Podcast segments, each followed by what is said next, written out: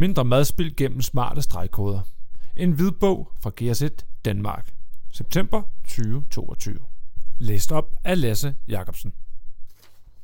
Forord. Kan stregkoder reducere madspil? Nogle gange skal store udfordringer klares med små enkle løsninger. Madspil er en udfordring så stor, at den har fået sit eget delmål blandt FN's verdensmål. Den står for 8% af den menneskeskabte CO2-udledning. Der findes naturligvis ikke en enkelt snuptagsløsning på så stor en udfordring, men der er en lille enkel løsning, der kan løse en stor del af udfordringerne med madspild. Den enkle løsning er en ny smart stregkode, i fagtermer også kaldet en 2D-stregkode. Den kan indeholde meget mere information end den nuværende, som alle danskere kender fra turen i supermarkederne. Ved at lade en smart stregkode kende udløbsdatoen på produkter, kan supermarkederne reducere en pæn del af deres madspil. I denne hvidbog undersøges, hvordan smarte stregkoder kan anvendes til at reducere madspil og løse en lang række andre nyttige opgaver. Til glæde for fødevareproducenter, distributører, supermarkeder og forbrugere, og til glæde for hele samfundet.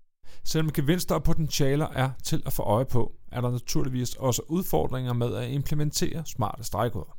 Ellers havde vi allerede gjort det. Det er udfordringer for både fødevareleverandørerne og for supermarkederne. For der skal nemlig både udvikling og investering til. Heldigvis kan vi trække på de få globale erfaringer, der er med at bruge smarte stregkoder til at reducere madspild. I Norge har supermarkedskæden Meny sparet 18% af udgifterne til madspil på fersk kød ved at bruge smarte stregkoder. Er det Woolworths erfaring, at man kan reducere helt op til 44% af madspillet for udvalgte varegrupper? Det er erfaringer, som direkte kan overføres til danske forhold. Danmark har mulighed for at gå forrest globalt med at implementere smarte stregkoder i den samlede dagligvarehandel. Danskerne er vant til digitale løsninger og er optaget af at reducere CO2-udledning. Supermarkederne har i det store og hele teknologien på plads, og de resterende udfordringer er ikke større, end de bør kunne løses.